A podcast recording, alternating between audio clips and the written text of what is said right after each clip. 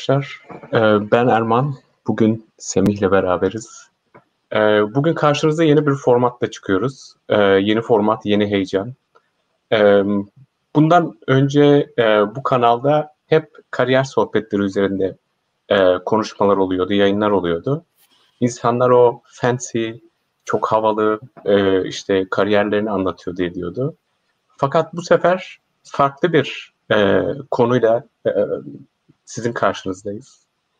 Ee, kariyer değil de artık biraz daha böyle akademi üzerine konuşalım diyoruz. Ee, düzenli olarak tekrardan konuklar alıp onların daha önceden yapmış olduğu yayınlara bakacağız.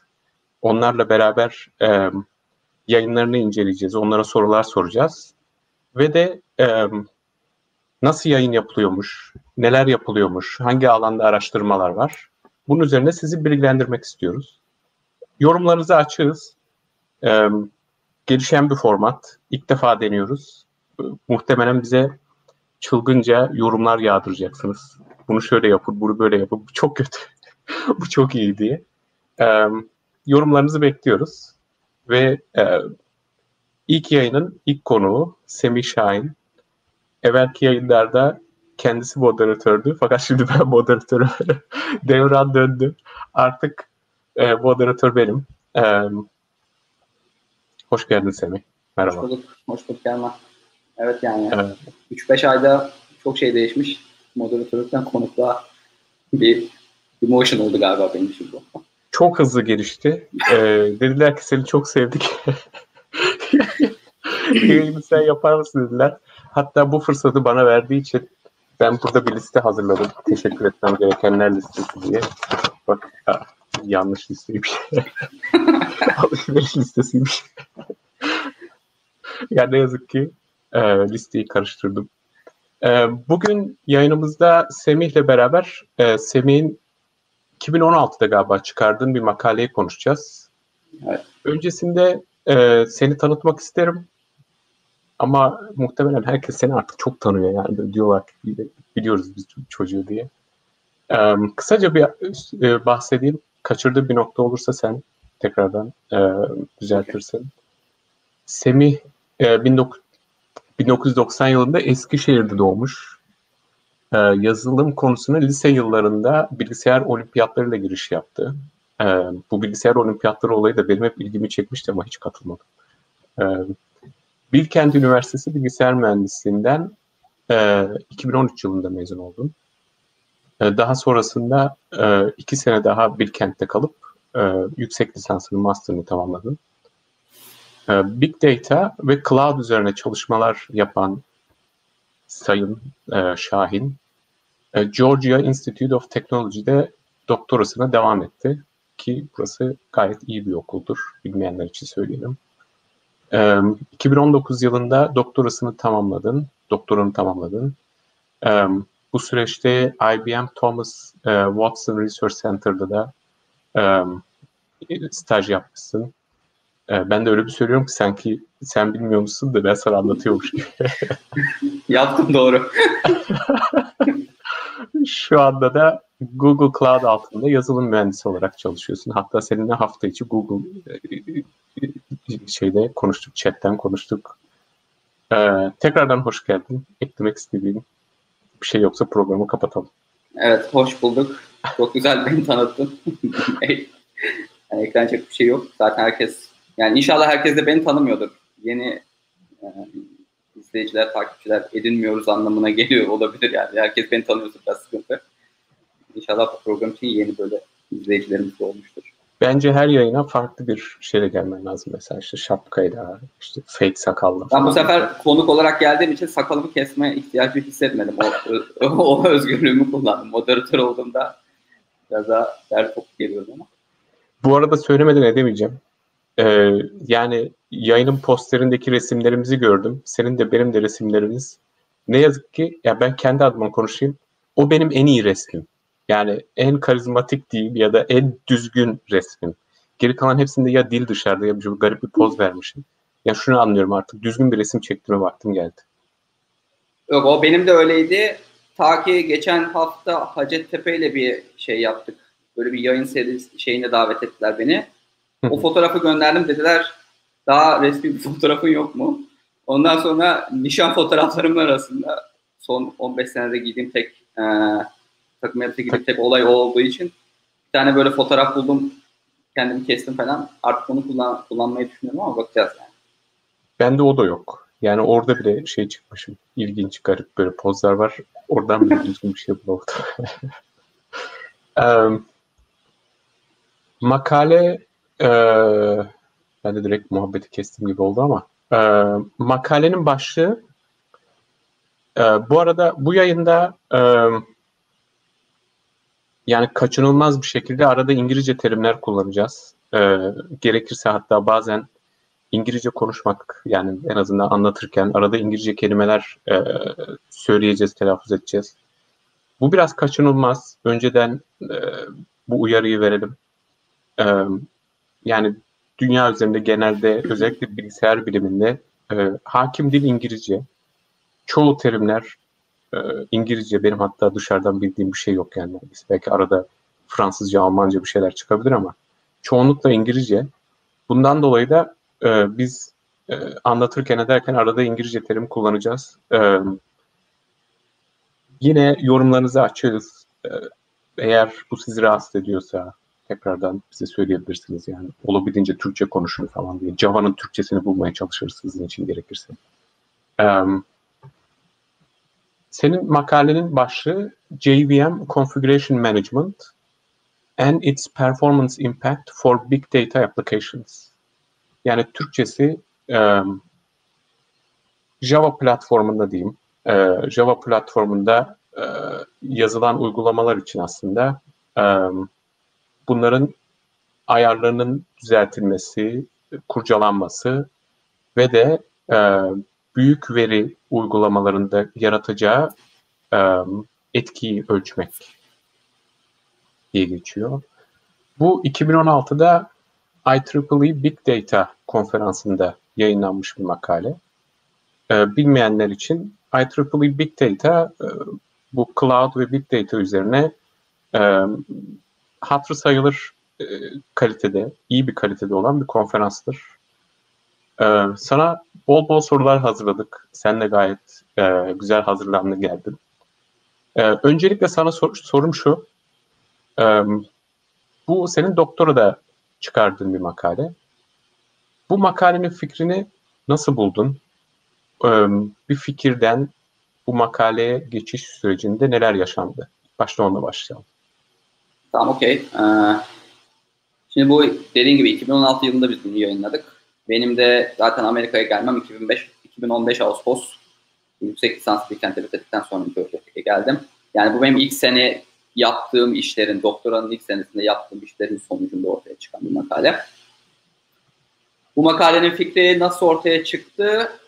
Yani sen de biliyorsun, doktora yapanlar da bilir. İlk başta zaten senin fikrin çok yani olsa da muteber olan şey hocanın fikridir. Ee, hoca kendince işte bir aldığı fundingden de dolayı bir proje belirlemiştir. Onun üzerine o projeyi yapmak için bir para almıştır belli kurumlardan. Ve ondan sonra o projede tanımlanmış e, fikirlere göre adım adım bir ya da birden fazla doktor öğrencisiyle, master öğrencisiyle o iş başlar yürütülür. Şimdi ben doktoraya geldiğimde benim yüksek lisansa yaptığım işte zaten Big Data üzerine bir işti. Orada da kendi sistemimizi geliştirdiğimiz, eş zamanlı veri işleme üzerine bir şey yaptığımız e, bir proje vardı bu yüksek lisansta. Sonra işte doktoraya geldim. Hoca da zaten baktı. Dedik işte senin geçmişinde biraz yani Big Data en azından olaylarına tamam e, background'un var. Oradan devam edelim. Benim de şöyle bir projem var. Diye öyle bu şekilde ben, beni bu projeye dahil etti. Yani birkaç ayrı projesi daha vardı işte. Graflar üzerine bir projesi vardı. Privacy üzerine bir projesi vardı. Bir de böyle bir projesi. Şimdi buradaki fikir şöyle çıktı. Ee, şimdi baktığın zaman bu şu an popüler olan o dönemlerde de yine çok popülerdi. Hadoop MapReduce, e, Apache Spark, evet. Apache Storm gibi. Bunlar büyük veriyi işleme frameworkları, yani araçları, sistemleri.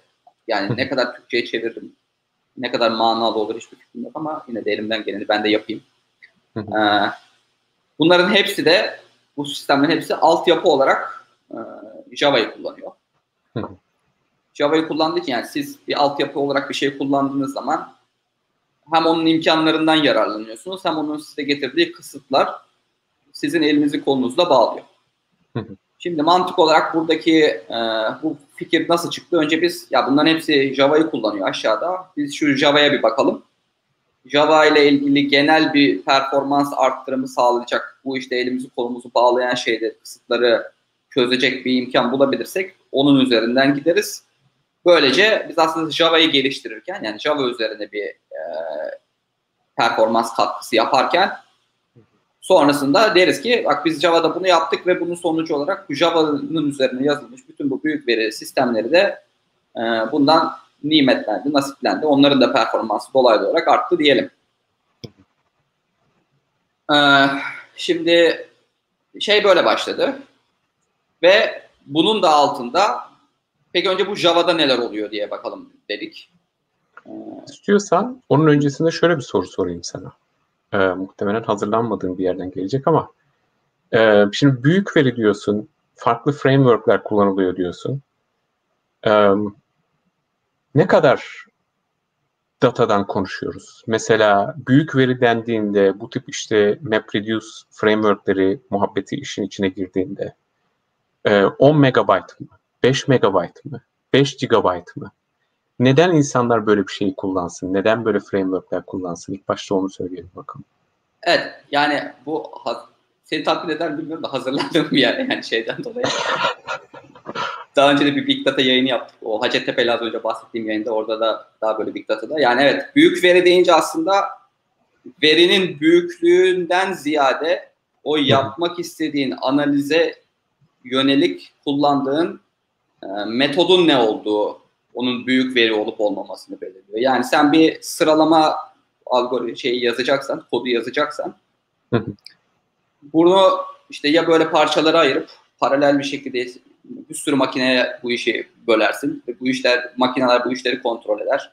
Ondan sonra onlar sonuçlar bir yerlerde birleştirir ve sana gelen sonuç eline sonuç o şekilde gelebilir. Ya da hani bu distributed systems vardır aslında Big Data'nın altında veri dediğimiz. Yani dağıtık bir sistem. Yani bir sürü bir cluster'ın var ya da birden fazla cluster'ın Onun içinde bir sürü makineler var. Onun altında bir sürü prosesler var. Şimdi biraz bu prosesi işlem diye çevireceğim ama toplama çıkarmayla da karışsın istemiyorum. Ben o yüzden proses diye devam edeceğim yani bu işletim sistemleri e, konsepti olarak. Yani aslında burada kullandığın büyük datadaki o büyük veri kısmı problemin büyüklüğünden ziyade senin uyguladığın çözüm tekniğiyle ilgili. Ama tabii datanın da büyük olduğu zaman bu iş mantıklı bir hale geliyor. Öyle bir teknik kullanmak mantıklı hale geliyor. Ama yine de yani şu kadar gigabyte, bu kadar megabyte demek yani doğru doğru bir şey aslında değil. Yani. Anladım. Ee, peki sen zaten ufaktan giriş yaptın. Ee, dedin ki bu büyük veri e, büyük veri işlemede kullanılan e, altyapılar, frameworkler neredeyse çoğunlukla Java dilini kullanıyor. Öncelikle şundan bahsedelim o zaman. Java nedir? Nasıl kullanılır? Ee, diğerlerinden farkı nedir? Diğer dillerden. Şimdi evet ben aa, sen bu soruları bana önceden gönderdin zaten çalışayım diye. Bir de biz burada amacı sen başta söyledim hatırlamıyorum ama yani söylemesin. Yani söylesen de tekrar olsun. Biraz daha üniversite öğrencilerine yönelik olarak bu işlere ilgi çekmek e, şeklinde konuştuk seninle. Bu yüzden ben makale üzerinden aslında gitmeyi planlıyordum. Sonra baktım ki makale iyi üzerinden gidersek hiç yani çok anlaşılırlığı olmayacak. O yüzden şöyle bir sunum e, senden bu gelen sorulara göre sunumla devam edelim. Daha yardımcı olacağını ümit ediyorum. E, şimdi evet burada gördüğümüz gibi ilk sayfada şey var. Makalenin adı vesaire. Burayı atlayalım. Şimdi bu Java nedir ve e, orada işler nasıl dönüyor ya girmeden önce çünkü orası hala bazı yani bir ikinci sınıf öğrencisi çok detay kaçacak diye ben düşünüyorum. Hı hı. E, yani direkt Java nedir Virtual Machine? İşte Java Virtual Machine, JVM dediğimiz zaman ne anlamalıyız? O yüzden birazcık daha hatta şu an sadece bilgisayar kullanıcılarıyla ilgili bir bilgiyle girelim. Ondan sonra daha bu işin detayına ineceğiz. Okay. Şimdi burada aslında bu telefonlar için de geçerli, bilgisayarlar için de geçerli. Bizim en azından şöyle bir üç katmanlı bir yapıdan bahsediyoruz biz. Ee, şu bugün mevcut teknoloji, bilgisayar, telefonu kullanırken. Nedir bu yapı? En altta makine var. Bu işte yani donanım olarak makine var. Ya telefonun kendisi ya işte sizin bilgisayarınız. İçinde ne var bunun? İşte işlemcisi var, hafızası var, diski var. Ee, onun üzerine bir işletim sistemi geliyor. Yani sizin boş o makineniz kendi başına ta, yani tuğla yani o bir işe yarayacak bir şey değil. Ne zaman yarıyor? Üzerine bir işletim sistemi kurduğunuz zaman.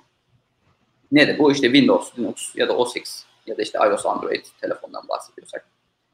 Bu makinenin üzerinde işletim sistemi çalıştırması gerekiyor.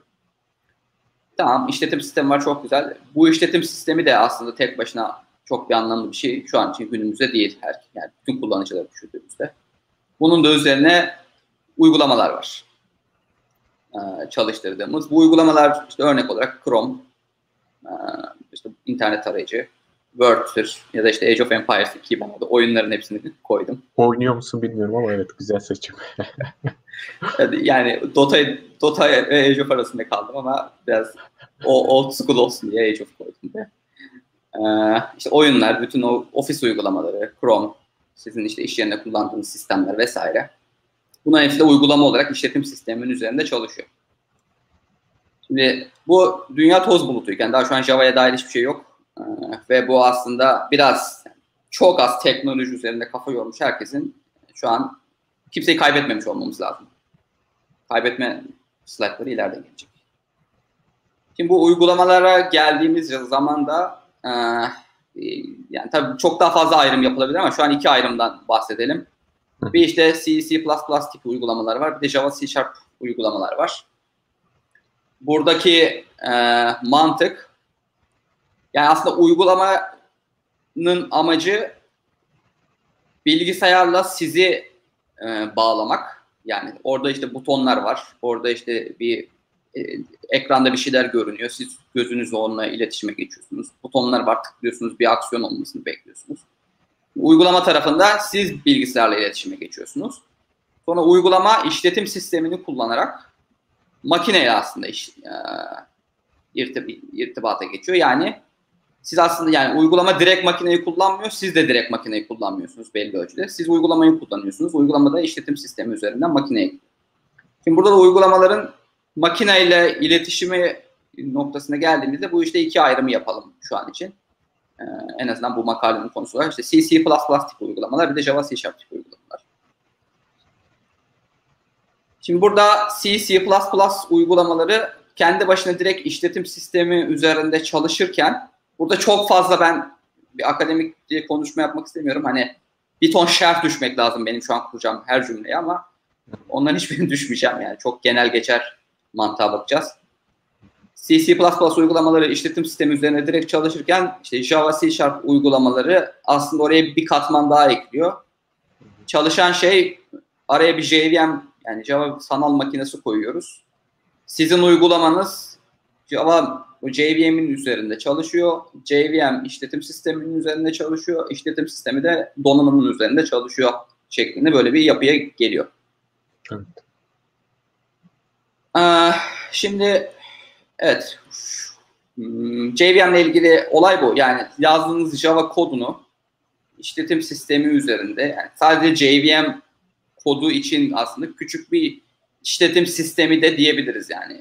Çok basit indirgeyecek olsak. Onu çalıştıran bir altta ayrı bir mekanizma.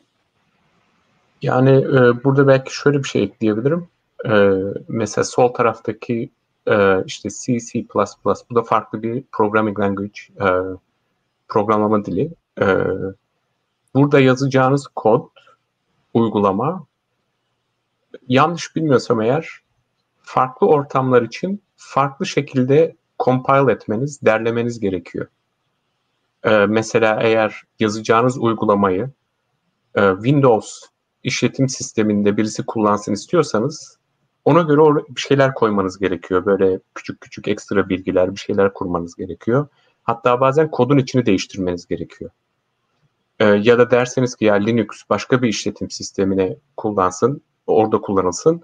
Yine bir şeyleri değiştirmeniz gerekiyor.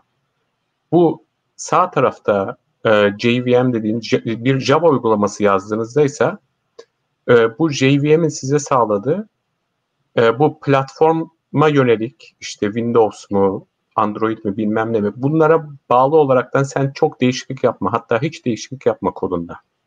O JVM onu hallediyor bir şekilde. Sen uygulamanı bir kere yazıyorsun ve farklı platformlarda hiç değişiklik olmadan çalıştırabiliyorsun. Doğru mu? Evet evet. Bu ne dediğin, kadar doğru?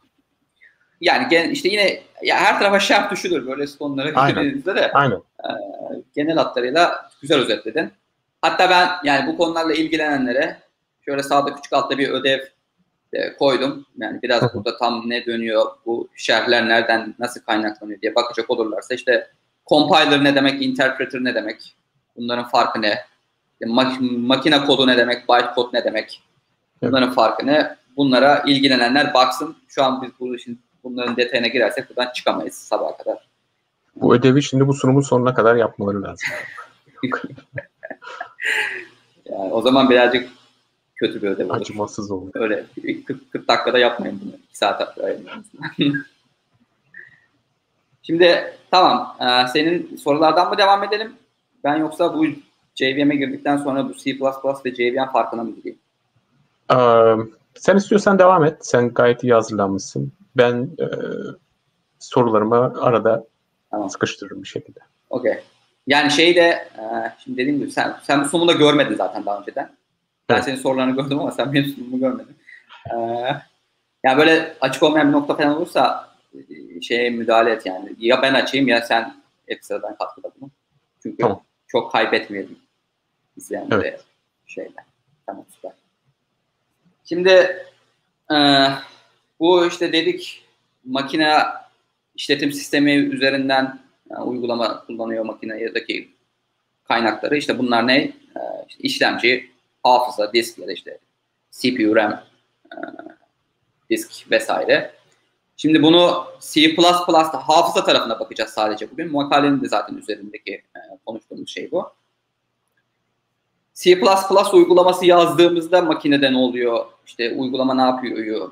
Ben çok küçük bir kod parçasıyla biraz anlatmaya çalışacağım. Bu hafıza yönetimi nasıl oluyor ya dair. Şimdi e, burada hiç kod bilmiyorsanız artık videoyu izlemeyi bırakabilirsiniz. Yok yani öyle de demeyelim ama birazcık çok kısa bir koda bakmamız lazım. Ee, herkesin de artık bildiği gibi diye varsayıyorum. Main'den başladık biz. Şu 7. satırdan. Kod çalışmaya başladı. Sonra 8. E, satıra geldik. Orada bir yeni bir öğrenci objesi yaratıyoruz.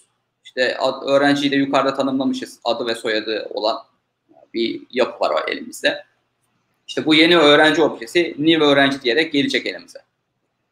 Ee, şimdi önceki 8. satırda ne oluyor? Şu satırın sağ tarafında hatta ne oluyor ya bakalım. New öğrenci Semih Şahin dediğimizde şu benim mouse hareketlerimde görülüyordur. Görülüyor.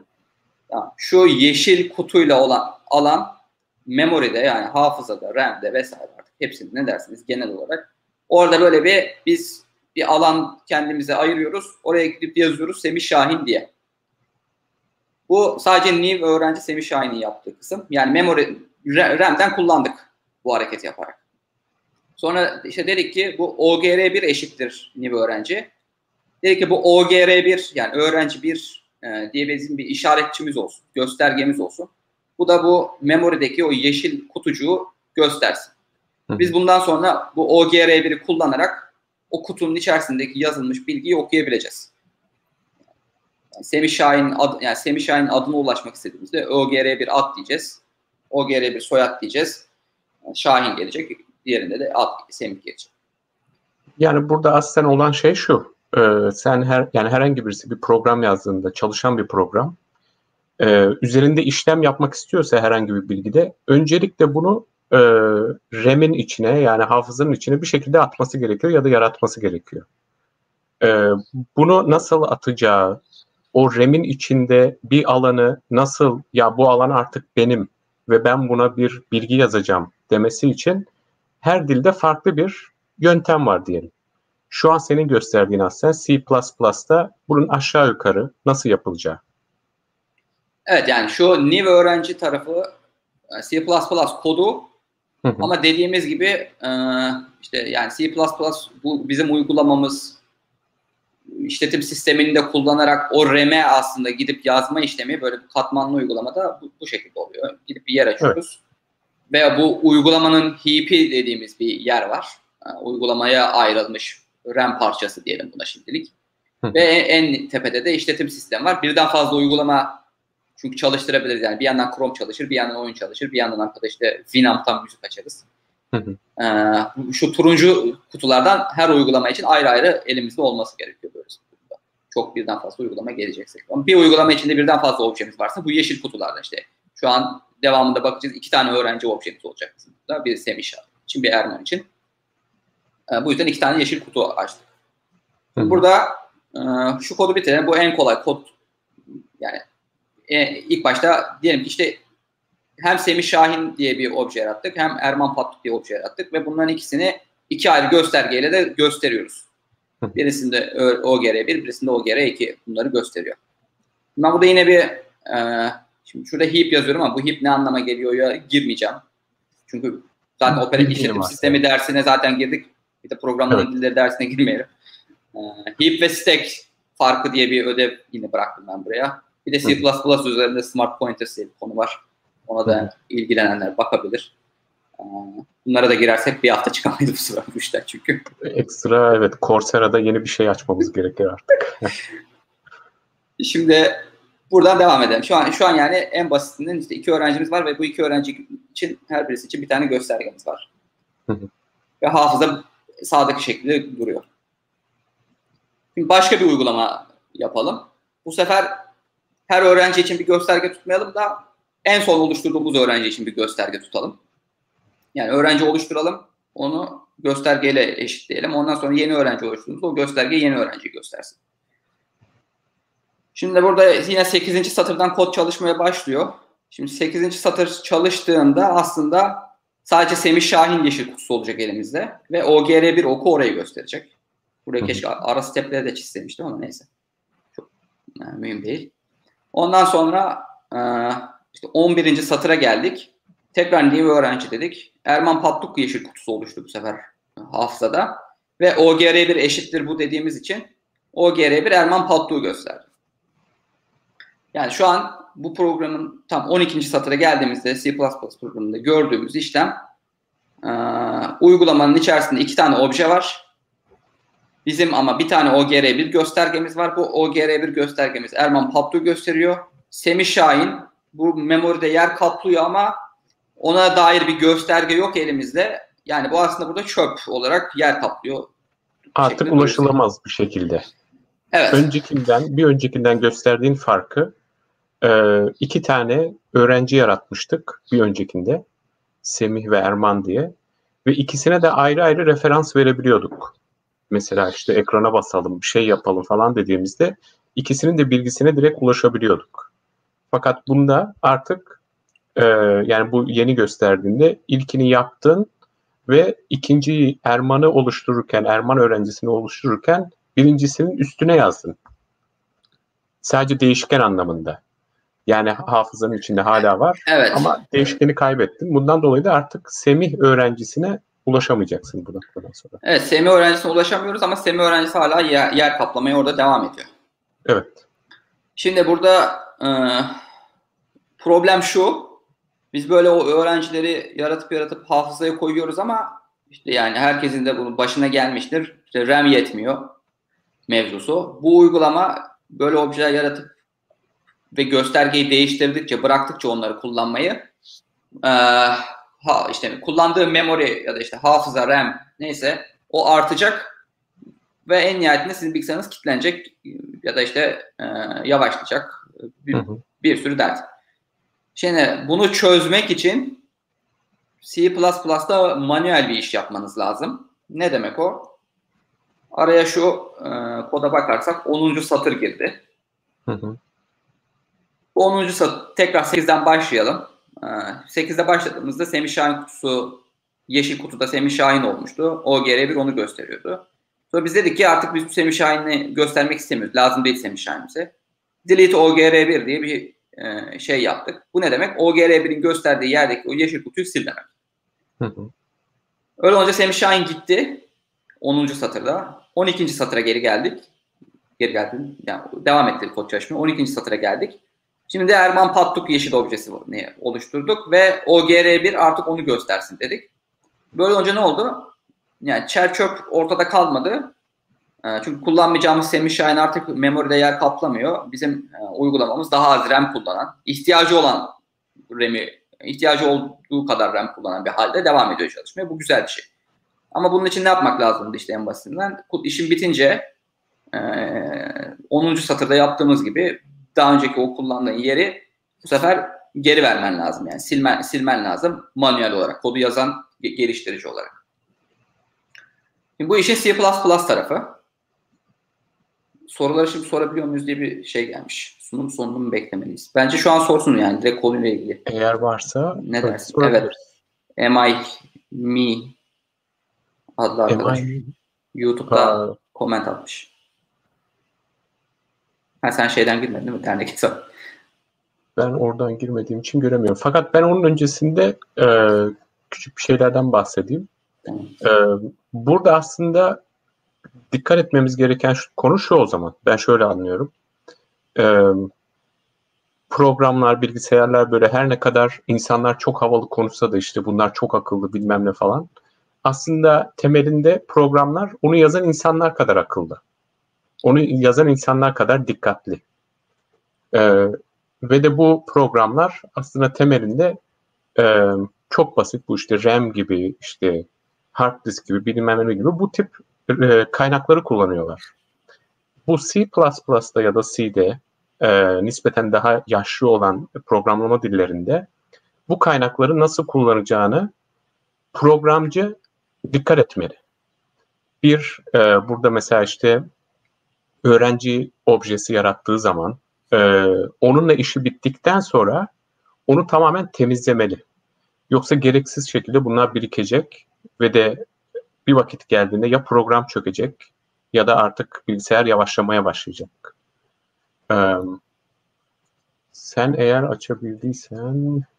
Soru sonra gelecekmiş. Ben açtım da. Konuyla ilgili değilmiş. Genel bir soruymuş. Devam edebiliriz o yüzden. Okey. Ben şimdi yayını açtım bir taraftan. Tamam. Ee, şimdi bu C++ tarafı. Buradan çıkarılacak ders şu. İşin bittiğinde bilgisayara bırakmayıp, bırakamayıp daha doğrusu kendinizin işinizin bittiği objeleri temizlemeniz gerektiği şu delete komutunu kullanarak. Bu, bu, yani bu C++ tarafının özeti bu. Şimdi Java'ya bu. Evet. Ee, Java'ya gelelim. Tekrar dediğimiz gibi bir şuraya tekrar geri döndüm ben. Yani C, C++ uygulaması direkt işletim sistemiyle konuşurken Java uygulaması altta bir JVM ile çalışıyor. JVM e, işletim sistemiyle o aracılığı JVM yapıyor.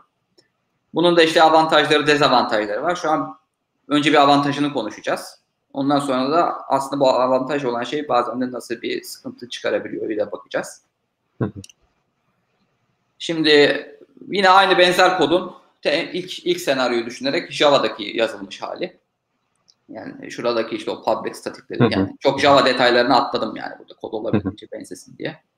Şimdi yine e, new öğrenci dedik. 7. satırdayız. New öğrenci dedik Semih Şahin. Bu Semih Şahin yine bu sefer bu sefer JVM heap içerisinde oluşturuldu.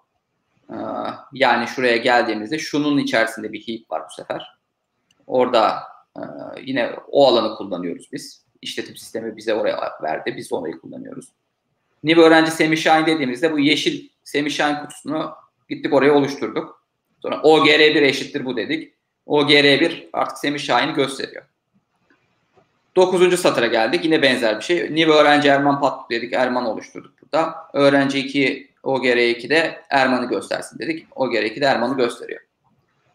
Şimdi bu ilk başta da vardı zaten C++'dakinin aynısı. Şu an şurada bir fark yok. Hı hı. İkinci şeye geçelim. Yani her öğrenci için tutmayalım da e, Java'da bu şey nasıl olsun? E, sadece son oluşturduğumuz öğrenci için göstergeyi tutalım de, diyelim.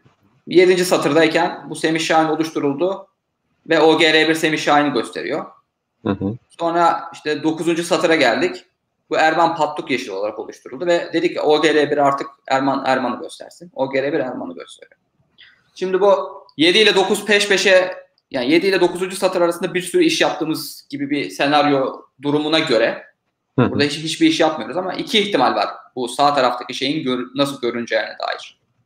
Yani Java'da. Birinci ihtimal tam olarak bu şekilde görüşür. Yani Semih Şahin durur ve hiçbir ona bir bağlantı gelmez. Aslında çöp yani çöp çöp olarak kalmıştır yani Semih Şahin orada heap'in içerisinde.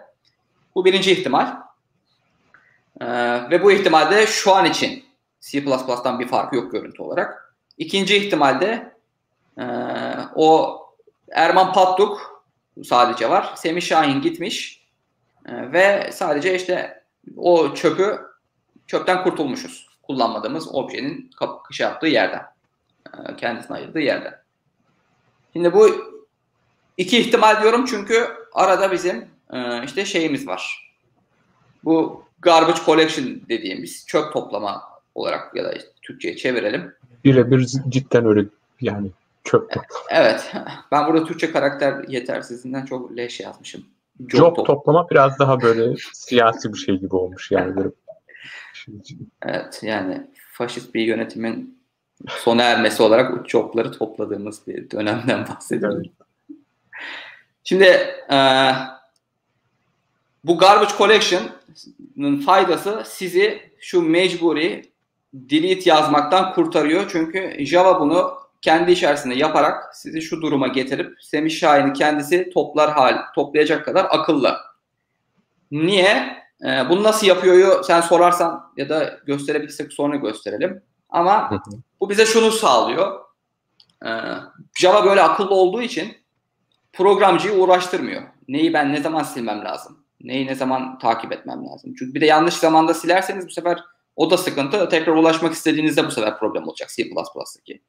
Ama evet. Java bu kontrolü kendi başına yapabiliyor yani. Bu artık silinebilir. Buna hiçbir erişim olmayacak. Bu e, Semih Şahin objesinde verdiğimiz örnekte. Onu ileride geleceğiz. Bir şekilde çözüp o mevzuyu şeyi an, anlayıp yok edebiliyor yani memori kullanımını. Böyle olunca da bu e, Java'yı daha popüler bir dil haline getiriyor. Çünkü geliştirici üzerindeki işi daha azaltmış bir dil olarak karşımızda. Aynen temelinde olay ona geliyor o zaman. Yani Java'dan e, yani eğer birisi farklarını söylemek zorunda kalırsa işte C, C++'da bir uygulamak yaz, uygulama yazmakla Java'da yazmak arasında e, Java'nın size sunduğu avantajlar var. Diyor ki sen uygulama ne yazmak istiyorsan sen ona yoğunlaş. E, alt tarafta, arka tarafta dönen işte hafızayı nasıl ayarlarım, bunu nasıl silerim, ederim. Sen onlarla fazla uğraşma. Sen kendine yazmak istiyorsan onu yaz. Ben geri kalanları halledeceğim diyor aslında. Çok kaba evet. tabirle. Evet evet yani bunu, bunu da nasıl yapıyor aslında? Çünkü Java aşağıda bir JVM diye bir şey var. Bu JVM Java spesifik bir böyle hem o kodun çalışmasını sağlayan hem de o kodun nasıl çalıştığını gözleyip müdahale etme yeteneğine sahip diyelim. Bir aşağıda bir platform. Onun üzerinde olduğu için bu şey e, böyle bir yeteneğe sahip. Ama C++ uygulamasında bizim böyle bir yeteneğimiz yok. E, bunların avantajları ve dezavantajlarına şimdi geleceğiz.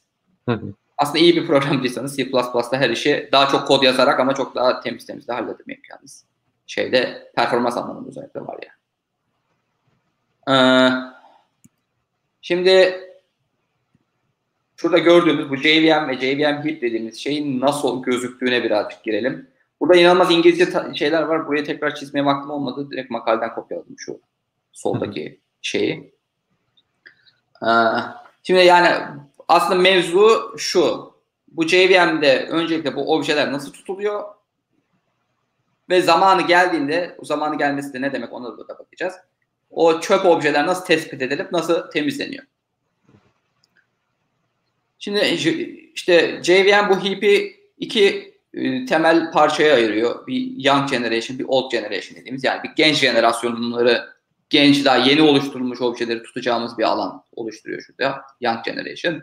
Bir de old generation diye daha yaşlı jenerasyon yani hani daha önce de oluşturmuşuz ee, ve bunların arasındaki işte o hani genç ne demek, yaşlı ne demek? Genç de belli bir sayıdan da, e, belli bir işte belirlediğimiz T'den daha az sayıda çöp toplama operasyonundan kurtulmuş. Yani bakmışız biz operasyon şeye şuraya. Mesela burada sen burada istediğin kadar çöp toplamaya çalıştır. Erman Patuk ulaşılabilir bir şekilde olduğu için bu Erman Patuk objesi e, toplanmayacak. Çöp olarak değerlendirilmeyecek. Ama şuraya geldiğimizde ilk başta böyle olsa bile bir gar, e, çöp toplama işlemini çalıştırdığımızda Semih Şahin objesine bakacak. E buna kimse ulaşamıyor bu objeye. O zaman bu çöp deyip bunu e, bunu toplama işi yönüne gidecek JVM. Şimdi o yüzden burada yani young taraf, genç tarafta hiç yani T'den az sayıda e, garbage collection ge- geçirmiş. Yani garbage collection diyeceğim artık yani ya da çöp toplama. GC ya da e, ondan kurtulmuş objeler duruyor. Yaşlı tarafta da daha fazla e, garbage collection yani çöp toplama operasyonu geç, geçirmiş ve hala da toplanmamış. Yani ihtiyacımız var bizim bunlara. Bunlar dursun diye ortada bıraktığımız objeleri de burada tutuyoruz. Yani aslında şöyle oluyor. Bu senin şu an gösterdiğin e, bir uygulamaya e, verilmiş mesela sallıyorum e, 10 GB'lık bir hafıza alanı. Aslında senin gösterdiğin şu an bu grafik kırmızıdan açık maviye doğru giden alan aslında de, diyelim ki 10 GB'lık bir alan. Bunun yönetimi direkt JVM'e bağlı. Ee, C++'daki gibi sen ayarlamıyorsun hiçbir şeyi. Sen sadece yeni bir obje yarat, e, bir tane daha ver, bir tane daha ver falan diye durmadan böyle JVM'e söylüyorsun. JVM de arka tarafta şunu yapıyor. Yeni bir obje yaratmak istediği zaman en sol taraftan başlıyor. Resort bu kırmızı kısımdan başlıyor.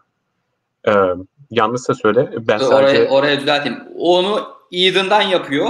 Şu Eden yazdığımız yerden. Oraya koyuyor objeyi. Bu resort aslında 10 GB kullanacağım demiyorsun sen de 5 GB minimum ver 10 GB'da maksimum kullanacağım diye belirliyorsun. Bu, bu resort gerektiğinde o 5'ten 10'a gidişte kullanılacak alan.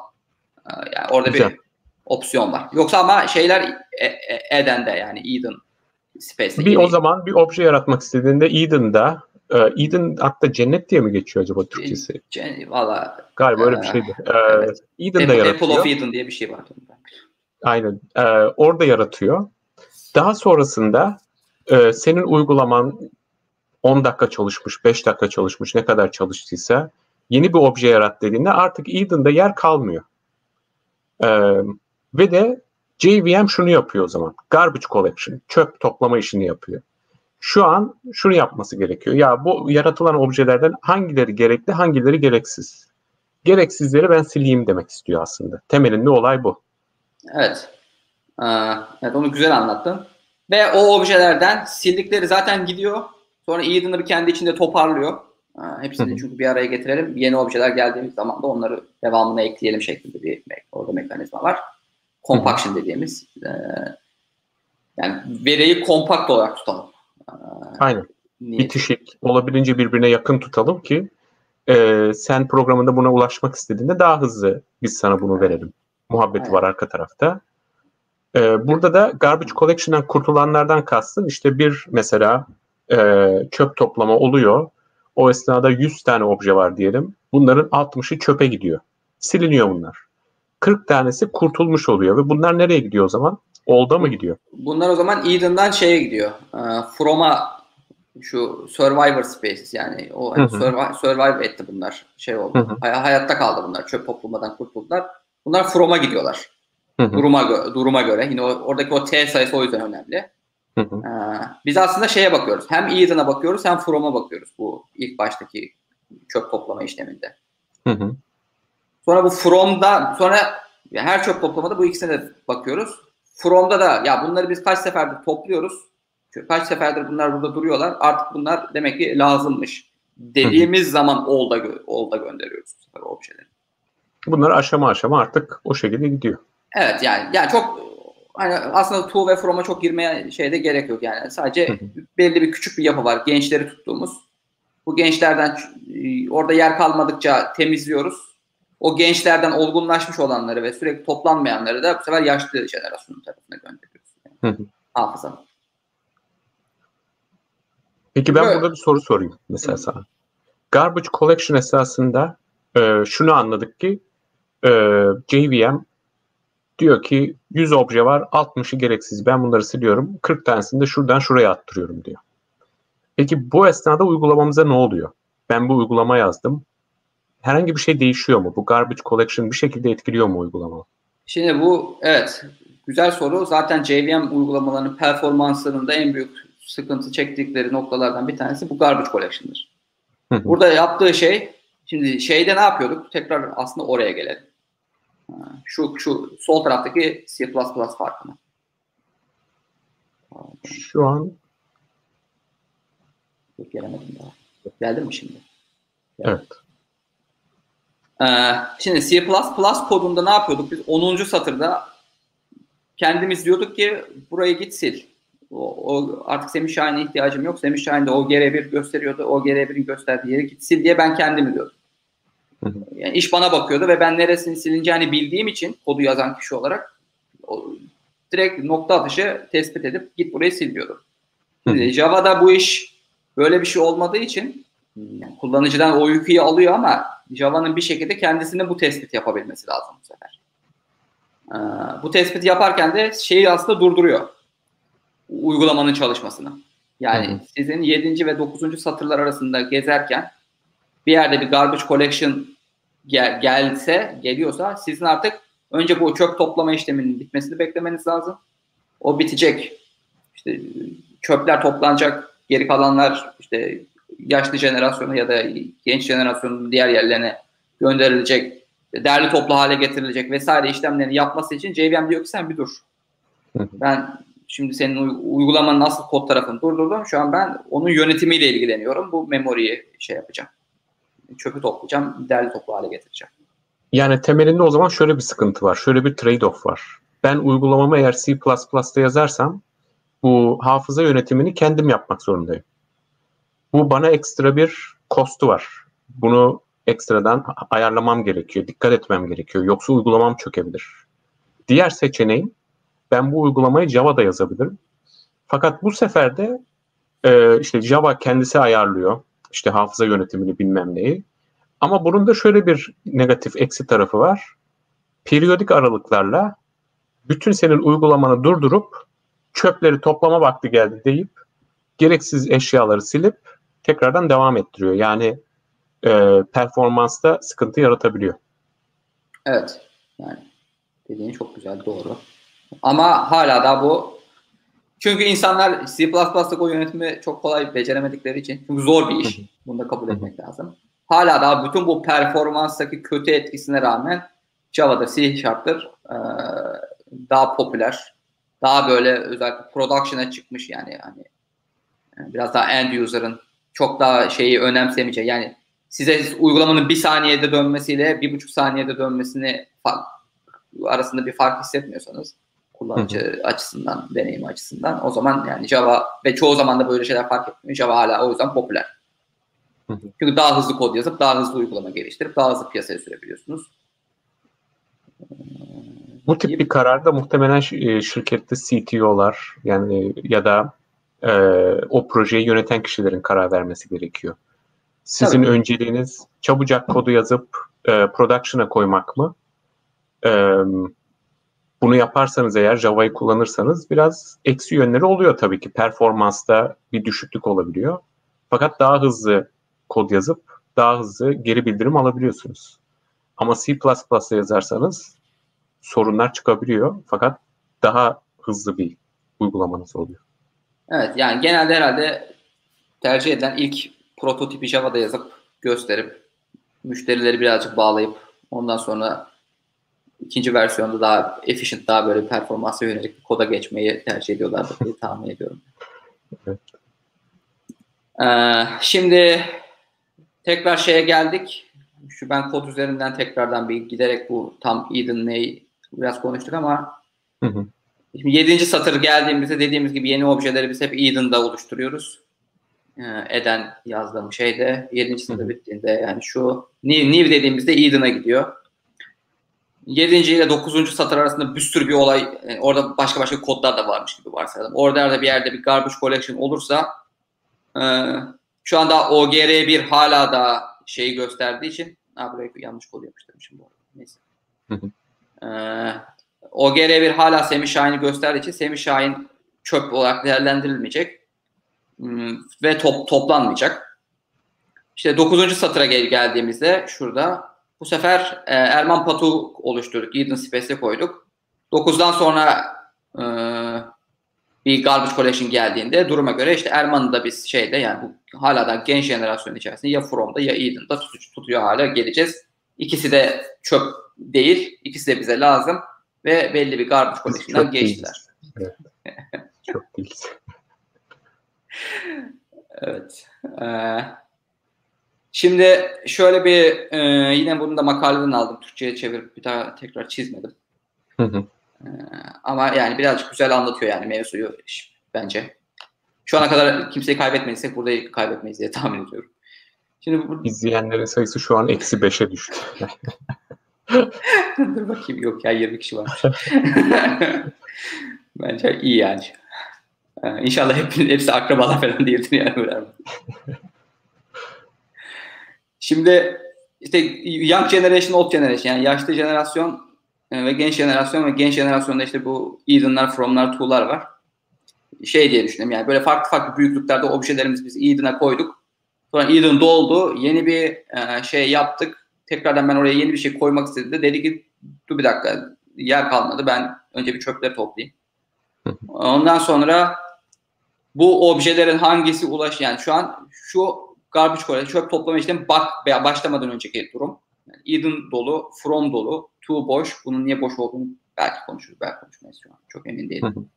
ee, sonra işte dedik ki evet yer kalmadı. Yeni objeyi ekleyemiyoruz. O zaman bir çöp toplayalım. Sonra işte bu çarpıları attık. Aslında burada da çarpılar atılmıyor. Diğerlerine aslında tik atılıyor. Yani ulaşamadığın obje ulaşamıyoruz diyorsak onu tespit etmek yerine aslında buradaki tespit ulaşabildiklerimize ulaşıyoruz. Geri kalan her şeyi de çöp olarak değerlendiriyoruz şeklinde ilerliyor. Ama yine kolaylık açısından. Diyelim ki işte çöpleri işaretledik çarpı çarpı çarpı. From'dan da bu mesela şu ilk obje e, şuradaki bu bir önceki garbage collection'dan kurtulmuş ama bu sefer kurtulamamış. Yani artık bu geçen süreçte artık buna da ihtiyacımız yok demişiz. Çöpe dönüşmüş. Ve bütün bu şeyler, objeler kalan sahalar bizimdir diyerekten e, bunları ya diğer şu boşta tuttuğumuz şeyle toparlıyoruz yaşlarına göre ya da o yaşlı jenerasyon tarafına yolluyoruz ve toplamanın sonunda işte daha garbage collection geçirmiş ama daha hala o kadar da yaşlanmamış objeler bu demin boş olan tool'daydı. Orada toplanıyor. Artık bu tool from oldu. Yaşlanmış olanlar da şeye gitti o yaşlı jenerasyonları tuttuğumuz memory tarafına gitti. Ve tamam artık çöpleri topladık. Yeni obje oluşturma işlemimiz az önce başarısızdı. Şurada before şu, şu tarafta. Ama artık şu an yer var. O zaman yeni obje aslında şuraya gelecek. Yani Eden'ın içerisine gelip koyacak bu sefer yeni obje. Bunun detaylarına bakmak istiyorlarsa muhtemelen zaten Java Garbage Collection e, diye aratırlarsa kesin çok detaylı şeyleri bulabilirler. Evet yani bu işin e, dokümantasyonları bayağı iyi bu Java standartlarının. JVM üzerine kitaplar kitaplar. Ya şu kadar kitap var JVM'in. E, oralardan bakılabilir. Ama e, korkutmuyor şimdi. Blog yazılarını da bulabilirsiniz. Gayet güzel şeydir. Hı. Şimdi aslında şuraya kadar geldiğimiz bütün nokta background verme üzerineydi. Yani bu. JVM nasıl çalışıyor, ne oluyor, ne bitiyordu. Şu an makalenin tarafına geliyoruz. Bu ee, sen de mesela başta dedin 10 GB'lık hafıza var. Bunu nasıl kullanacağız? Yani young ve old diye, genç ve yaşlı diye belirledik ama young'a ne kadar vereceğiz? Yaşlıya ne kadar? Gence ne kadar vereceğiz? Yaşlıya ne kadar vereceğiz bu 10 GB'ı? Bunun default şeyi hiçbir şey yapmazsanız e, bu yaşlı tarafı genç tarafın iki katı kadar büyük oluyor. Ama bu JVM sizin bu ayarı değiştirmenize izin veriyor. Bir. Bununla ilgili bir deneylerimiz var. Bunları gösteririz. Sonra 10 GB verelim dedik ama hani 5 GB versek ne olur? 5 yani o büyüklüğü de toplam büyüklüğü de siz ayarlayabiliyorsunuz. Heap size dediğimiz şey. Onunla da ilgili bir e, şey var. E, onu da konfigüre edebiliyorsunuz. Bir de bu garbage collection algoritm. Ben şu an şurada en basitini anlattım. Hı hı. E, ama onunla ilgili de alternatifleriniz var. İşte o benim en basit dediğim serial yani seri seri bir şekilde toplasın şeydi. Yani tek bir koldan de, dediğim işlemleri yaparak toplama var. Bir de paralel toplama var. Bir birden fazla koldan bu toplama işlemine, çöp toplama işlemine giriyorsunuz. Bu paralel old, oldu da toplayacağı zaman mesela oraya hiç girmedik ama orası oraya şu an girmeyelim zaten. Bence. Ee, Mark Sweep diye başka bir algoritma var. Ya bunlar farklı farklı algoritmalar. Bunların da detayına bence girmesek aslında, daha daha iyi yani. Aynen. Ee, aslında temelinde o zaman olay şu. Yani e, bu hafıza yönetimi olayını e, Java programlama dili kullanaraktan bir şekilde öteleyebiliyorsunuz. Fakat e, temelde şöyle bir prensip vardır. Yani farklı farklı uygulamalar yazabilirsiniz bilmem ne ama one size fits all e, muhabbeti genellikle yanlıştır. Yani ben öyle bir şey yapayım ki bütün farklı uygulamalara, bütün farklı senaryolara uygun olsun gibi bir düşünceye kapılmamanız gerekiyor uygulama yazıcı olaraktan. Bundan dolayı da sizin kendi yazdığınız uygulamanın doğal gereksinimleri e, olabilir. Bunlara yönelik e, bu JVM'i ayarlamanız gerekiyor.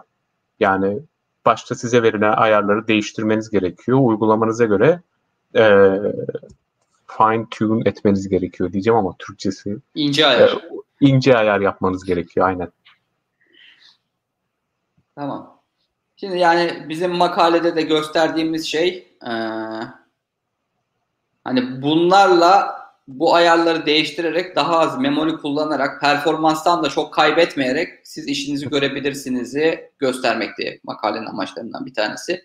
Ve bunun sonucu olarak aslında o en nihayetinde en başta bahsettiğimiz nihai hedefte JVM'deki bu işleri doğru düzgün biz birazcık hale getirebilirsek JVM'i de kullanan bütün o büyük veri e, sistemlerinde daha düzgün, daha iyi performansla hale, çalışır hale getirebiliriz ise gidişin ilk adımıydı yani bu makale. Hı hı. Şimdi deneylere bakalım. Ee, bu en basit deney. Heap size yani şu sizin şimdi para var huzur var diyelim yani hani sizin paranız varsa daha iyi bir makine alabilip daha iyi makineden kastımız ne şu konsepte daha fazla daha yüksek RAM'li bir makine alırsanız uygulamanızı çalıştırırken uygulama ne kadar istiyorsa siz de verirsiniz ve e, performans artar deneyi bu.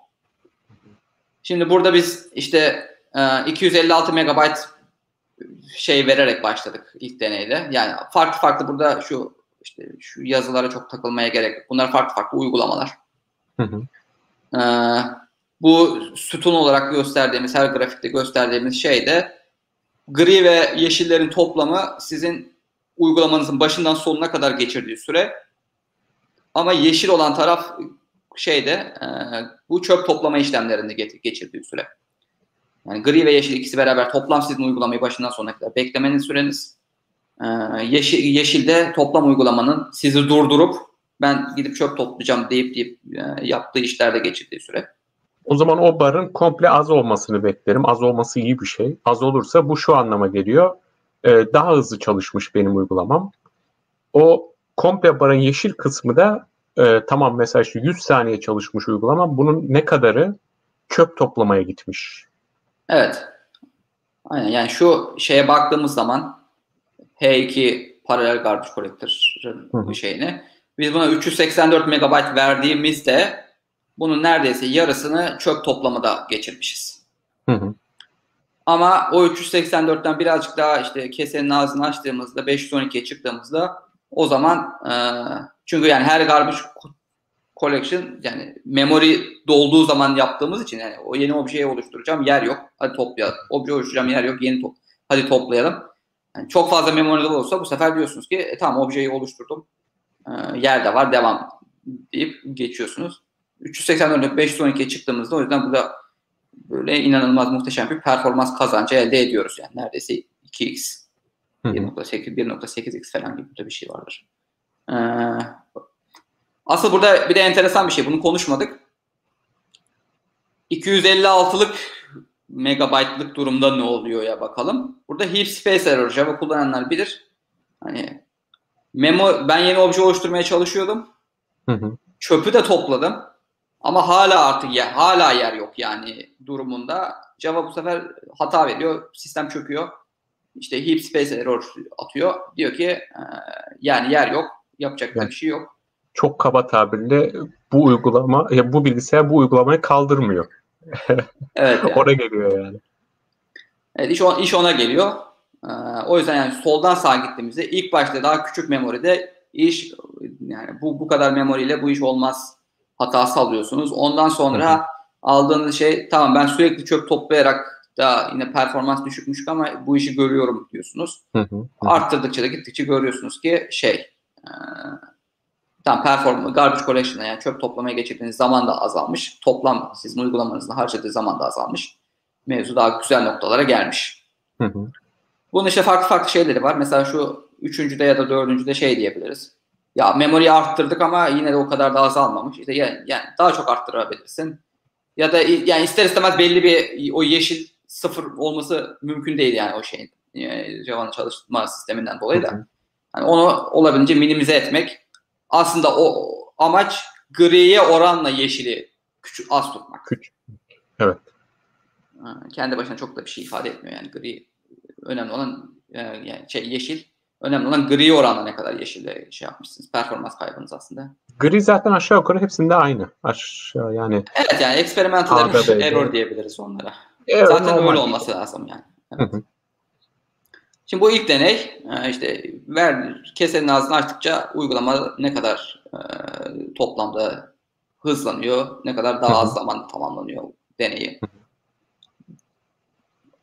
İkinci deney e, şeyi gösteriyor. Bu en serial garbage collector yani bu çöp toplama algoritmalarından bahsettik farklı farklı. Bu çöp toplama algoritmalarından işte bir tanesini seçtiğimizde yine de benzer deminki deney gibi ama sadece buna yönelik. Ee, hepsi aynı algoritmayı kullansın ve sadece heap'i de değiştirelim şeyinde. Yine benzer yine benzer bir şey var. Mesela şu üçüncü C, C'deki grafikte hiçbir şey yok. Çünkü bu aslında o kadar da memoriyi çok kullanan bir uygulama değilmiş demek. Bu aslında. Çünkü gri, gri burada düşük. Ee, o yüzden yani memori artırsan da bir şey değişmiyor yani. Zaten memoriyle işi çok yok bu uygulamanın. Ama şu birinci, ikinci ve dördüncüye baktığımız zaman hani düşük memorilerde çok fazla çöp toplamaya harcarken yüksek memorilerde onun azaldığını görüyoruz. Burada bir de asıl kritik çıkarılması gereken soru e, şey sonuç e, dikkat edersek evvelden bahsetmiştim. E, sizin uygulamanız farklı farklı gereksinimleri olabilir. Mesela uygulamanız durmadan obje yaratıyor olabilir küçük küçük. Onları durmadan çöpe atmak gerekiyor olabilir. Kimisinde çok büyük obje yaratır ama e, hep onu kullanır, hep onu kullanır. Uygulamanızın kendisine bakaraktan sizin bu tip deneyleri yapıp aslında en uygun değerleri bulmanız gerekiyor. E, sen her ne kadar mesela e, işte para bastırıp tabiri caizse daha iyi bir makine aldıysan da daha fazla RAM aldıysan da bazı uygulamalarda çok az değişiklik görüyorsun. Tabii. Ee, mesela C uygulamasında, C'dekine Serial'da e, para bastırıyorsun ama çok da bir değişiklik olmuyor. Çünkü bu senin uygulamanın doğası gereği bir şey. Ee, A'da, B'de ya da D'de daha hızlı bir gelişim yaşıyorsun. Parayı bastıran daha mutlu oluyor yani burada. Yani evet, yani memoriye parayı bastıran diye ben burada Memory, o, evet. o şeyi düşeyim. Çünkü mesela C'de şey yapabilme ihtimalim belki vardır. Ee, bu sefer CPU gücünü arttır. Aynen. Daha Hı-hı. hızlı orada işle, işlemi bu sefer hızlandır. Memory operasyonların değil de işlem gücünü arttır gibi bir şey yaparsın. Hadi evet. onu onu da yaptın. Onun da limiti var. Bu sefer ne yaparsın? Git kodu baştan yaz. Şu işi bir paralel yaz. Ee, artık çok çekirdekli bilgisayarlarımız var. Hani bu iş multi-thread bir hale dönüşsün. Ve iş dört koldan yürüsün deyip de o işi de hızlandırabilirsin. Ama orada da tabii iş hem paraya hem hem parayı donanıma bastırman hem de yazılımcıya bastırman lazım ki aynen, aynen. Artık orada paraları böyle şeye donanım donanımda değil de e, programı evet. yazana. Ee, o zaman devam edelim yeni bir deneyle. Şey oranıyla bu en enteresan deney bu çıkmıştı. Şey, yani en azından ben bunu çok beğeniyorum. Ee, bu Niv rasyo şeyi yani genç e, o hafızanın genç jenerasyonla yaşlı jenerasyona ayırma oranımızdaki değişiklik. Hı hı. Ee, söylediğim üzere iki buradaki default ayar. Yani hiçbir şey değiştirmezseniz bu iki, ikiyi alıyorsunuz sonuç olarak. İki ne demek? Yani yaşlıya ayırdığın alan genci ayırdığın alanın iki katı olacak. Yani tabiri caizse işte mesela 100 GB ise benim hafızam bunun 66'sını yenisine yaşlıya. Pardon, 66, 66 yaşlıya 33'ünü eskiye şey, e, yeniye koyduk. Evet. Bu sağ tarafa doğru gittikçe yaşlının kısmı daha büyüyor. Ah, öyleydi galiba. Şimdi bak benim de kafam karıştı. Makale çıkma. 5 sene oldu ben şu an şeyini. Yani öyle, bir, öyle bir, şey, bir şekilde oranı değiştiriyoruz yani evet. Aynen oranı değiştiriyoruz. Burada yani çok yapacağımız çıkarım şey değil.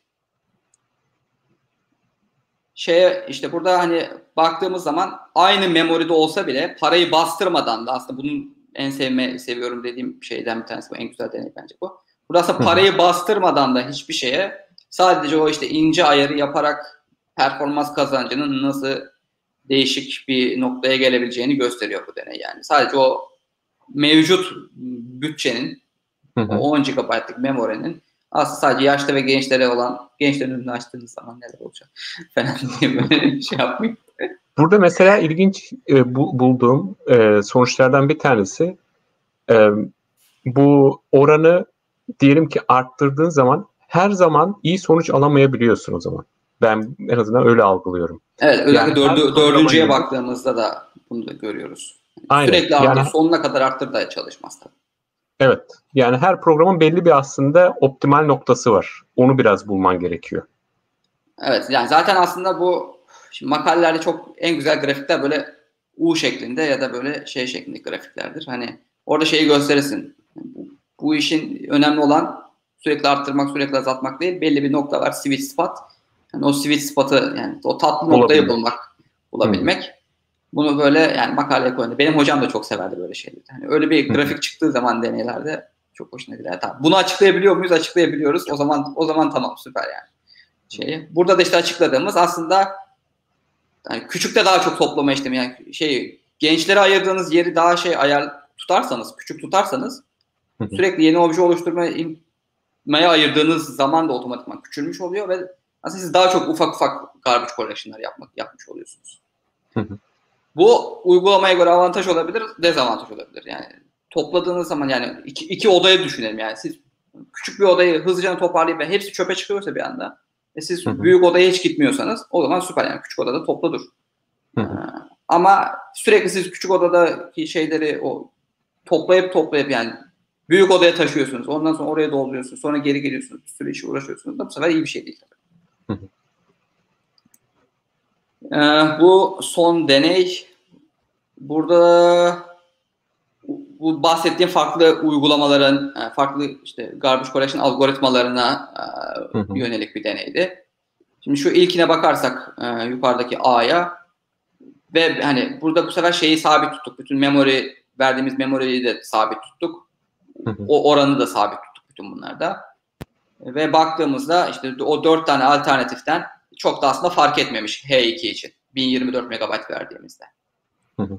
Ama 256 MB'la biz bu uygulamayı çalıştırdığımızda hangi uygulamayı kullandığımız inanılmaz fark etmiş. Yani neredeyse işte şu default olanı kullanırsanız ilkini seriyalı hı hı. E, işte 200 saniye bile harcamadan işlem bitiyor. Ama mesela şu paralel ya da paralel olduğu kullanırsanız o zaman yani 4 katından daha fazla bir süre harcamanız gerekiyor ve bütün bu sürede şeyde gidiyor aslında yani zaten or, orada mesela çöp toplamaya gidiyor.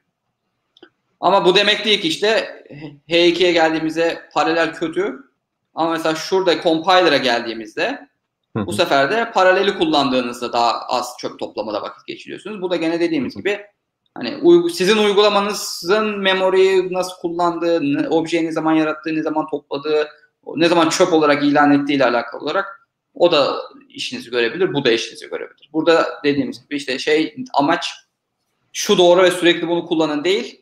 Farklı farklı alternatifler var.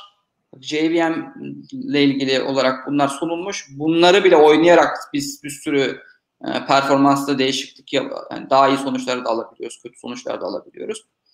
ve en nihayetinde bu işte dediğim gibi şeye bağlanacak. Doktoranın ilerleyen yıllarında. Hı biz bunu böyle yaptık. Ve işte yani şu Java'da olmayan bir mekanizma geliştirdik biz kendi içimizde.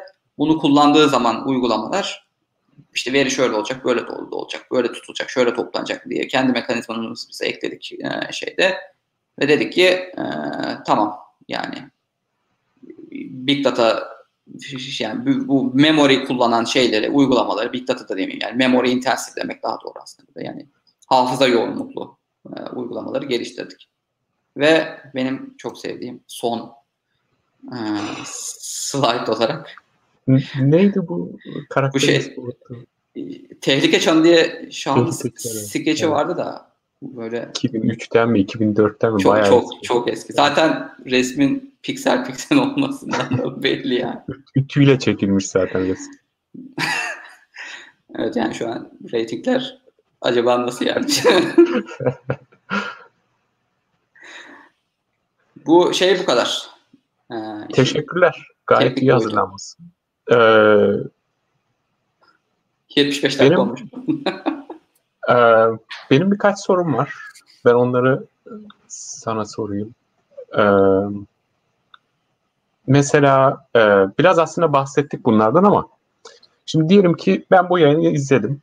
Ben e, bir şirkette çalışıyorum e, ve de Java üstüne aslında uygulama yazıyorum. E, nasıl kullanabilirim?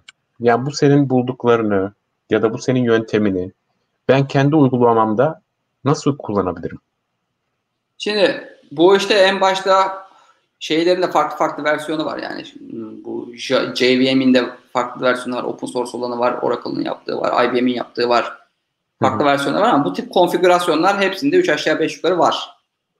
Bunu nasıl yapabilirsin? Ee, yani en baştan aslında belli bir şekilde senin genel kullanıcı kitleni hitap eden bir uygulama çalışma durumu bulman lazım. Hı hı. Ki onun üzerine analizini yap ve doğru konfigürasyonu bul.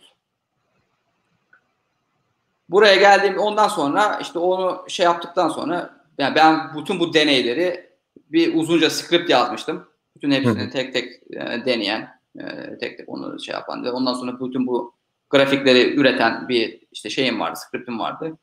Gece bırakıyordum, o sabaha kadar çalışıyordu. Deneylerin bir kısmını tamamlıyordu. Yani böyle bu biraz deneme yanılma. Çok dışarıdan bakıyorsan. Uygulamanı daha çok tanıyorsan o zaman diyeceksin ki tamam yani benim uygulamam daha küçük ömürlü objelerden oluşuyor. Küçük ömürlü objeleri daha hızlı, daha olabildiğince toplamak yani hemen toplamak daha makul diye bir karar vermişsin. O zaman işte o oranı değiştireceksin. Diyeceksin ki şey. Yani aslında temelinde şunu yapmak gerekiyor o zaman. Yani bu senin yazdığın uygulama nasıl bir trafik alacak? mesela sallıyorum öğlenleyin saat 12-1 arasında e, saniyede 10 bin istek geliyor belki senin bu servisine. E, çok tuttu.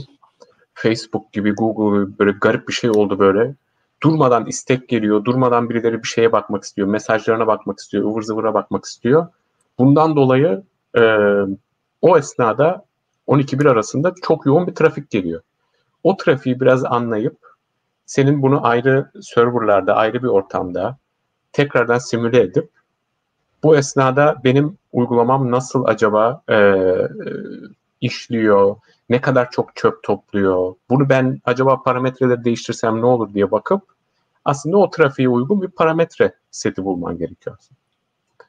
Ee, peki bunu birisi yapmak istese mesela e, internette bunun için uygun e, tool'lar var mı mesela?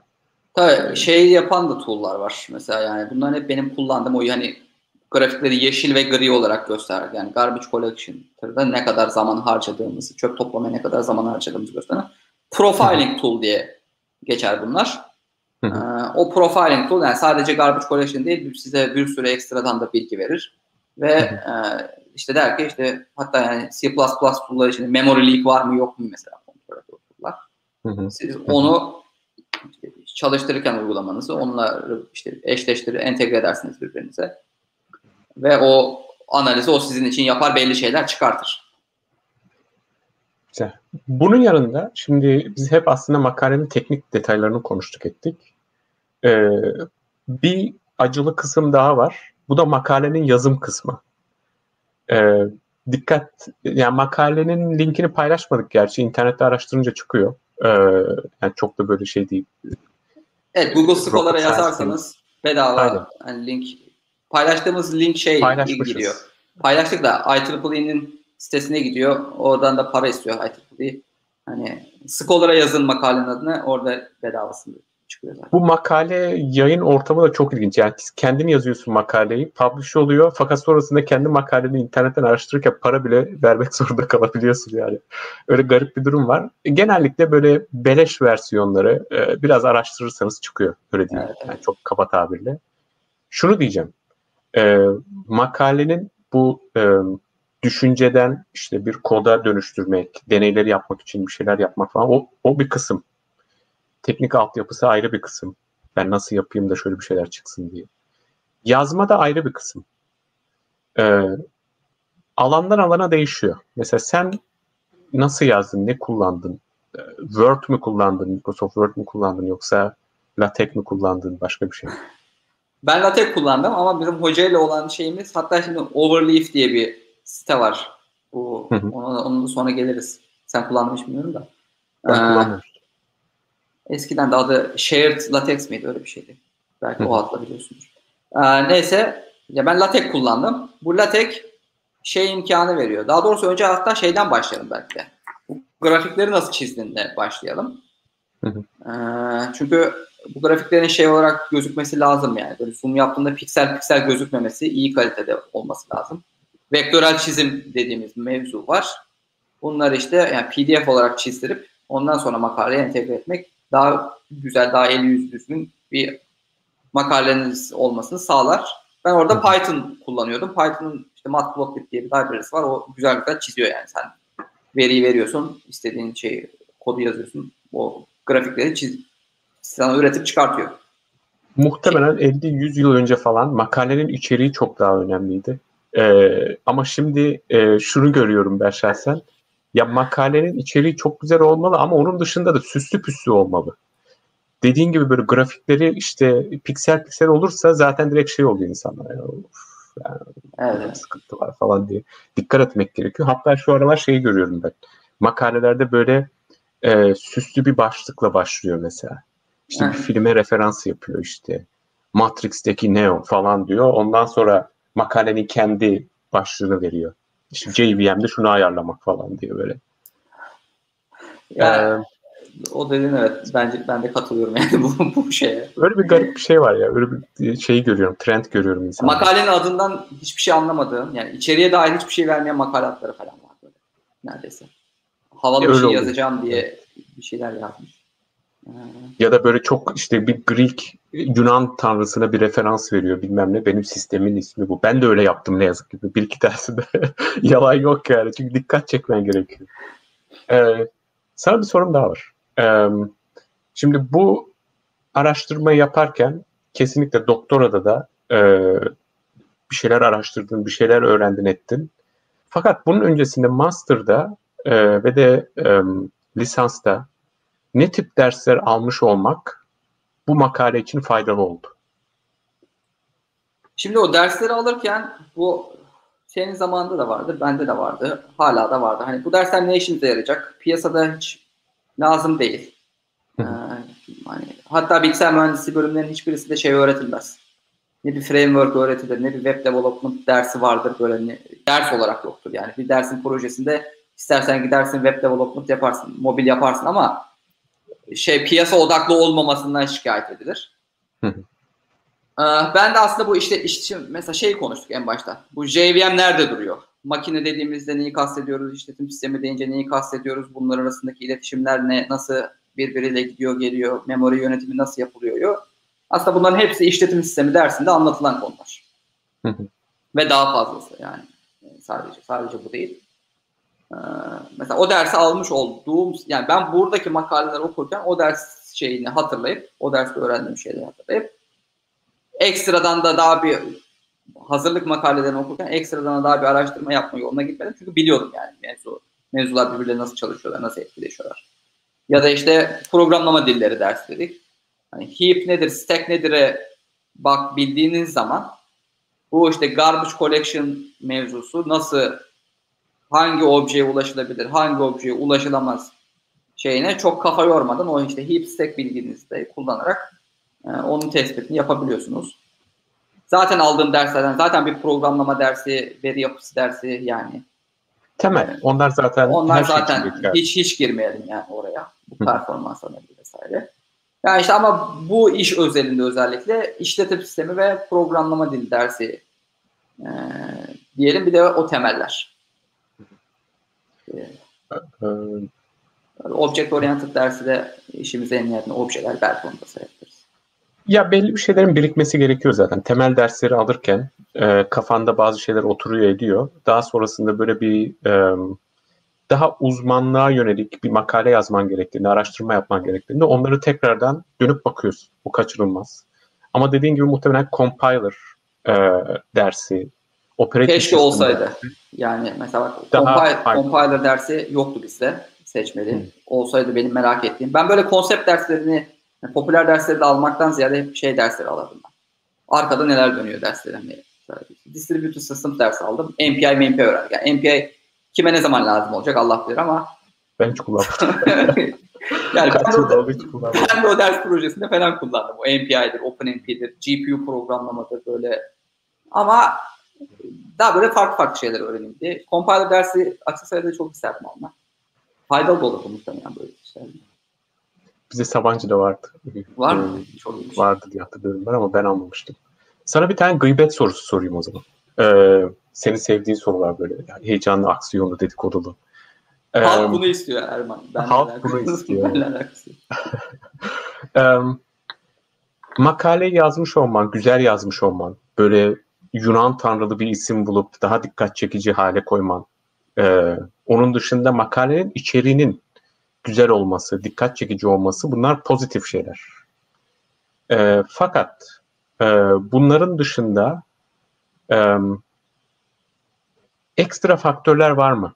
Senin makalenin kabul almasına yönelik e, pozitif katkı sağlayacak ya da negatif katkı sağlayacak? Pozitif Zarar katkı sağlayacak. Şimdi şöyle, ben böyle olmadığını inanıyordum. Bu birazcık hayal kırıklığı olabilir e, genç heyecanlı akademisyenler için ama bu akademi dediğimizde bir network'ün iş yaptığı, çevrenin, referansının iş yaptığı bir ortammış. Mesela benim Bilkent'te yaptığım iş çok güzel bir iş olmasına rağmen Georgia Tech'te yaptığım daha az iyi işlere kıyasla daha az atıf aldı örneğin. Niye? E çünkü Georgia Tech'teki hocamın şeyi çevresi geniş. O onunla iş yapıyor, bu onunla iş yapıyor. Daha çok biliniyor ve daha çok bilinmeden kaynaklı olarak şöyle de bir durum çıkıyor ortaya. Ee, hani birisi bir iş yapacak ama şu hocanın da böyle bir işi vardı diye aklına geliyor. Onun işlerine bir bakalım diyor. Otomatikman sizin makalenizi de buluyorlar kendi yazarlarken atıf yapıyorlar. Şimdi ama it is what it is yani. Hiç yapacak bir şey yok. Mevzu mevzu böyle. İnsan faktörü olduğu sürece illaki e, networkler işte biraz adam kaçırma, adam kayırma demeyeyim de yani işte biraz pohpohlama falan oluyor yani. Bu çok Tabii. normal. Dediğin doğru özellikle Amerika'da işte ya da Avrupa'da çok iyi okullardan geliyorsanız eğer bu tip konferanslara makale yolluyorsanız e, biraz artısı oluyor ekstradan. Ondan dolayı o network'ün içinde değilseniz biraz daha zor olabiliyor. Evet yani mesela şey yapmak isterdim ben bu makalede. O gün gerek zaman gerek para açısından mesela yapamadık. Ee, şu an o mesela gösterdiğim uygulamalar şey uygulamaları değil. Memory intensive uygulamalar olarak yani yani memory çok kullanılan uygulama olarak geçiyorlar ama mesela bir Spark Hadoop'u ben, ben koymak isterdim yani Spark Hadoop çalıştırıp bunların üzerinde de biz bu ayarlarla oynadığımızda mesela aa, veri şey yapıyordu ama orada işte elimizi kolumuzu bağlayan şey neydi? Bir bizim hocanın hızlı bir motivasyon olsun. Sen hemen bir tane iyi kötü bir makale yiyip sen de bas ki hani motive ol bu işlere. Yapabildiğini gör. Bu aslında önemli bir şey yani. Çünkü yani 3 sene 4 sene makaleyi yaz, yaz, yani bir sebepten yazamamış insanlar bir noktadan sonra motivasyonları çok düşüyor doktorda sen ne görmüşsündür. Yani o yüzden iyi kötü de olsa böyle bir şeyler bir yayınlayıp basıp e, yola bakmayı benim hoca teşvik ederdi. Hı hı. E, ama o dediğim mesela Big Data şeyleri niye yapamadık? Bir, benim öğrenmem gerekiyordu. O kurulum, o sistemler nasıl kuruluyor, nasıl çalışıyor, nasıl şey yapılıyor zaman bir zaman yatırımı lazımdı. İki para yatırımı lazımdı. Onları böyle aslında en ideal durumda bir cluster kiralayıp e, o cluster'da daha böyle büyük ter, terabaytlarca data üzerinde bu ayarları, deneyleri yapmak daha ideal olurdu, güzel olurdu. Hı hı. E, ama o da para para yakıyor yani. Su yakmıyor o, o cluster kiralaması. Evet. Şimdi mesela Türkiye'den birisi dese ki ya ben senin makaleni çok beğendim e, ve de aslında bunu devam ettirebilirim. Bu alanda çalışabilirim. Benzer işler yapabilirim dese. Şimdi mesela dediğin gibi ilk başta yapması gereken öncelikle bir uygulama bulacak. Diyecek ki ya işte e, sonuçta bunlar bunlar yapılmış. Ben bunu nasıl geliştirebilirim? Nasıl farklı uygulamalara, frameworklere e, uygulayabilirim? Bu bir. İkincisi dediğin gibi bunları çalıştıracak. Sonuçta bunlar e, ben böyle bir şey düşünüyorum deyip ortaya çıkamazsınız. Ortaya e, işte bir sonuç çıkarmanız gerekiyor. Bunları çalıştırmak için makine bir şekilde e, bulması gerekecek. Belki cloud sistemlerini kullanabilir. Google'ın, Amazon'un, Microsoft'un. Google'un, ikimiz de Google'da çalıştığımız için sadece Google'u söylemiyorum. Geri kalanları söylüyorum. Bu iki bir de data bulması gerekecek. E, mesela terabyte, gigabyte o order'da bir şeyleri bulması gerekiyor. Um, sen mesela şahsen ne olarak görüyorsun? Bu bu yaptığın işi biliyorum 2016'da yapılmış ve sonrasında sen de makaleler bastın ettin. Fakat bugün birisi e, dese ki bunun üzerine devam etmek istiyorum. Sence future work olarak e, ne ortaya çıkabilir? Bir sonraki iş olaraktan. Yani bu işin en ideal kısmı aslında future work olarak çok idealist davrandık ve hani parayı da bulduk, ekibi de kurduk desek yani sıfırdan yeni bir JVM yapmak bu işin en şeyi. En en en gideceği nokta. Hani şu an mevcut. Çünkü mesela yeni bir algoritma geliştirmeniz lazım. Yeni bir işte çöp toplama algoritması geliştirdin diyelim. Aklında öyle bir fikir var ve süper çalışacağını düşünüyorsun. Performans da çok etkilemeyecek bir şekilde.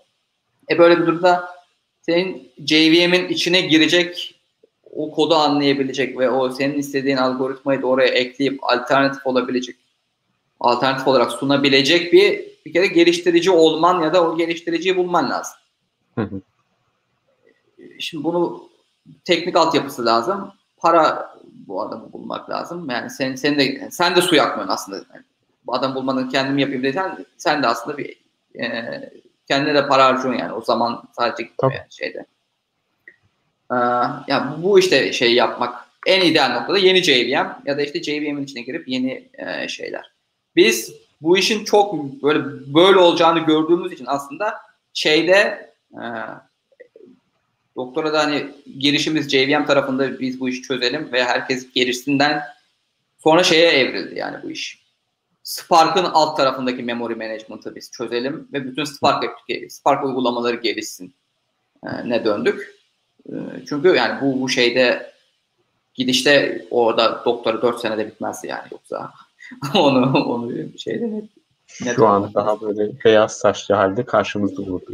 Valla ya beyaz mı olurdum, saçsız mı olurdum? Artık yani nasıl olurdum bilmiyorum. Ee, yayından gelen sorulara bakabiliriz ya da ekstradan başka sorular varsa onlara bakabiliriz.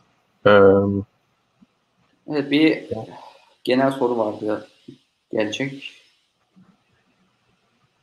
Ama çok genel olmuş ya. Sen Hangisi? Semih abinin fotoğrafı her yerde aynı. LinkedIn, Twitter ve YouTube kapak fotoğraflarında demiş. Ee, Eren Dil. E, konuştuk.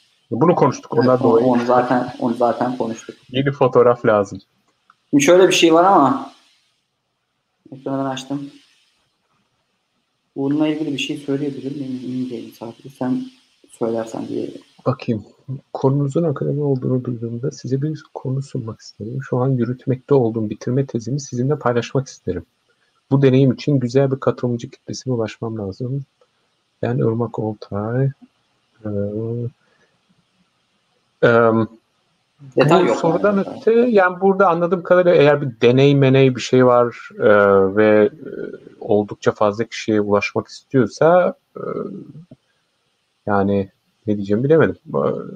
Yani şöyle devam etmiş. Bence bizim yani sadece senle beni mi burada e, davet ediyor yoksa herkesi mi davet ediyor bilmiyorum ama chatte bence paylaşılabilecek bir şeyse halka açık bir şekilde bence paylaşırsa hmm, birileri olabilir. Evet. Başak onu info, infoya yönlendirdim demiş. Yani Başak arkada bu iletişimi internette sağlıyor anladığım kadarıyla. Evet. Tamam. Sonra şu Mi denen arkadaşın genel soru diye bir şey yazmıştı. Aşağıda gelmiş. Çok genel soru.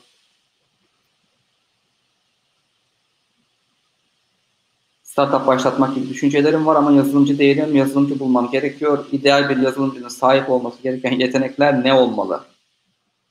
Mesela sunuda Java daha iyi dediniz. Biz Java daha iyi demedik. Onu bir onu bir düzeltelim. Şöyle, farklı programlama dillerinde Java, C, C++, Python artık ne ararsanız tamamen yapmak istediğiniz uygulamaya bağlı değişir bu.